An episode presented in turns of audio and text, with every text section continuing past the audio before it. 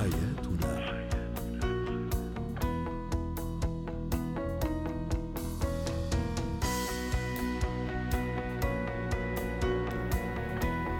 مستمعينا الكرام أهلا بكم معنا إلى برنامج حياتنا برنامجكم اليومي الذي يعنى بشؤون الأسرة وباقي الشؤون الحياتية الأخرى.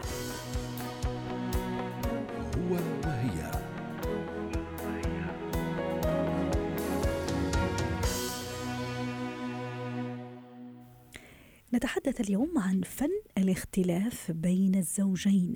للحديث عن هذا الموضوع تنضم إلينا عبر الهاتف من القاهرة دكتورة عزة حامد زيان استشارية العلاقات الزوجية والأسرية. مساء الخير دكتورة عزة أكيد أن الشريك ليس صورة طبق الأصل لشريكه ومن هنا نتحدث اليوم عن الاختلاف كيف يكون الاختلاف رحمة بين الزوجين وكيف آه، يجب ألا نحول هذا الاختلاف إلى خلاف وخلافات دائمة. أهلا وسهلا ومساء الخير. مساء النور. بما إن الحياة ما بتمشيش كده على وتيرة واحدة وبما إن الاختلاف شيء طبيعي وأساسي في الحياة بصفة عامة وفي الحياة كمان الأسرية بصفة خاصة ولاننا مختلفين كراجل وست في التنشئة في التربية في الثقافة في الأفكار وطريقة التعبير فما نقلقش من الاختلاف. لأن الاختلاف شيء أساسي وطبيعي لكن لازم الاختلاف يكون تحت السيطرة. تعالوا نشوف إيه اللي بيحصل عندنا. حياة زوجية فيها أزمات ومشاكل اختلاف في رغبات واحتياجات الزوج والزوجة وإصرار كل طرف على اللي هو عاوزه والنتيجة بتكون معركة وطرف فيها بيفوز والتاني بيخسر صح؟ نعم طيب ده بقى مش معناه إن المشكلة خلصت معناه إننا كلنا بقى ابتدينا ندخل في مرحلة الانفجار حبتين وأجلنا الانفجار ده لوقت تاني لأن في طرف مننا حاسس بالظلم لأن احتياجاته ورغباته ما قدرش يوصل لها. حاسس إن الطرف التاني انتصر عليه. عشان كده لازم الزوجين يتعلموا فن إدارة الخلافات والاختلافات بينهم. يتعلموا فن التفاوض للوصول لأفضل الحلول. يتعلموا يقربوا وجهات النظر في النقط الخلافية بينهم. هنقول قواعد أساسية وإحنا بنطرح موضوع عشان ما يوصلش لخلاف ومشكلة. جميل. أول حاجة أراعي طرح الموضوع في وقت مناسب لينا إحنا الاثنين يعني مثلا مش بالليل وإحنا تعبانين بعد يوم شغل طويل. كمان مش تعبانين صحيا ومش قدام حد. تاني حاجة أحدد الموضوع اللي هناقشه. الموضوع فقط. يعني ما أفتحش 100 موضوع. وأبعد نهائي إني أدخل في مشكلة سابقة وأحط كمان عليها المشكلة الحالية. لا أخليني في المشكلة الحالية فقط. كمان لغة الجسد وقسمات الوجه عليها عامل أساسي في استجابة الطرف الثاني أو نفوره. يعني الابتسامة الحلوة مهمة. كمان أراعي البداية بكلمات تهدي تحفز الطرف الثاني زي إيه؟ يعني أنت معاك حق بس إيه رأيك نعمل كذا؟ كلمات بتوحي للطرف الثاني إنك مش هتستبد برأيك. وإنك مش ضده. نعم. كمان مهم ما فيش اتهام أيضا ونحن عم نحكي مع ال- مع الشريك بقدر ما في تفاهم أليس كذلك؟ ده حقيقي ده حقيقي. وحضرتك أثرتي نقطة مهمة جدا.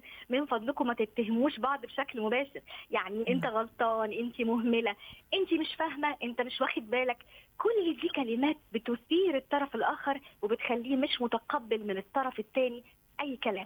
وهل صحيح كمان. أنه من الأحسن سامحيني دكتورة عزة إني آه، لما أعبر عن وجهة نظري آه، أعبر عن شعوري بمعنى آه، عوض إني أتهم أنت مثلا غير مبالي يفضل إنه مثلا أنا أشعر بالحزن إذا مثلا ابتعدت قليلا عني. هل هذه الصيغة الصحيحه ده حقيقي. حتى لما يكون في حاجة تعباني أو مضايقاني ما أقولوش إيه أنت أنت كذا ما اتهموش هو لأ. أنا بقول الصفة دي مش عاجباني.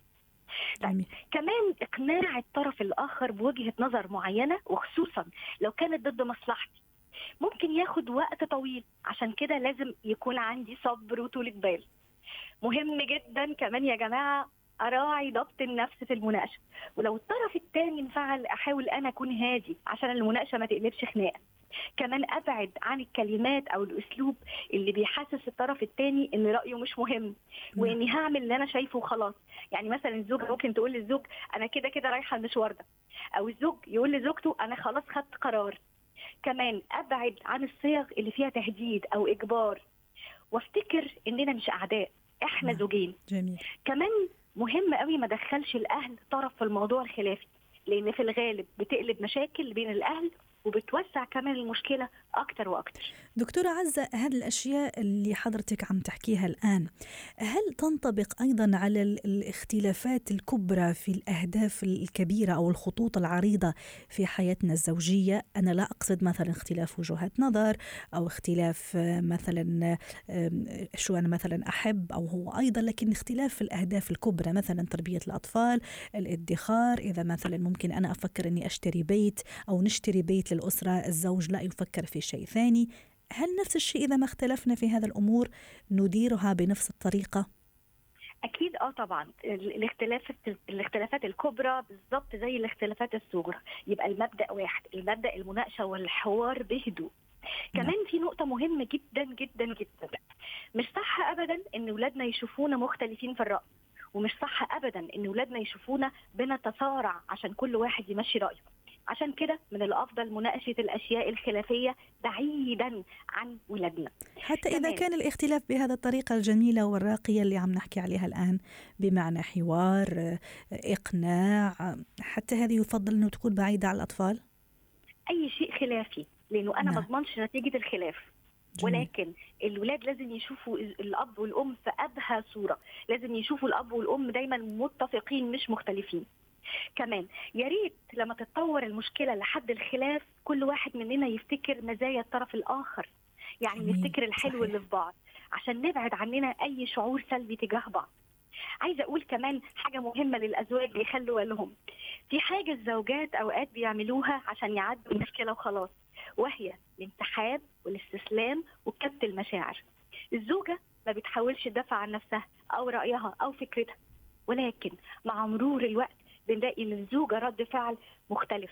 يعني مثلا بنلاقيها رافضة العلاقة الحميمة بنلاقيها ساكتة بنلاقيها كمان زي ما الزوج بيوصمها دايما إنها نكدية. ولكن ده نوع من أنواع التعبير الغاضب على القهر والظلم اللي هي تعرضت له. وأخيرا لو عندنا وقت عايزة أقول الاعتراف بصحة بصحة فكرة أو رأي الطرف الثاني وخطأ فكرتي أو تصرفي مش عيب على نعم الاعتذار يا جماعة مش عيب. واضح. إدراك الخطأ والاعتذار شجاعة. نعم. وأخيرا بتمنى لكل زوجين حياة مستقرة سعيدة بدون مشاكل. شكرا لك دكتورة عزة حامد زيان استشارية العلاقات الزوجية والأسرية ضيفتنا من القاهرة. حياتنا.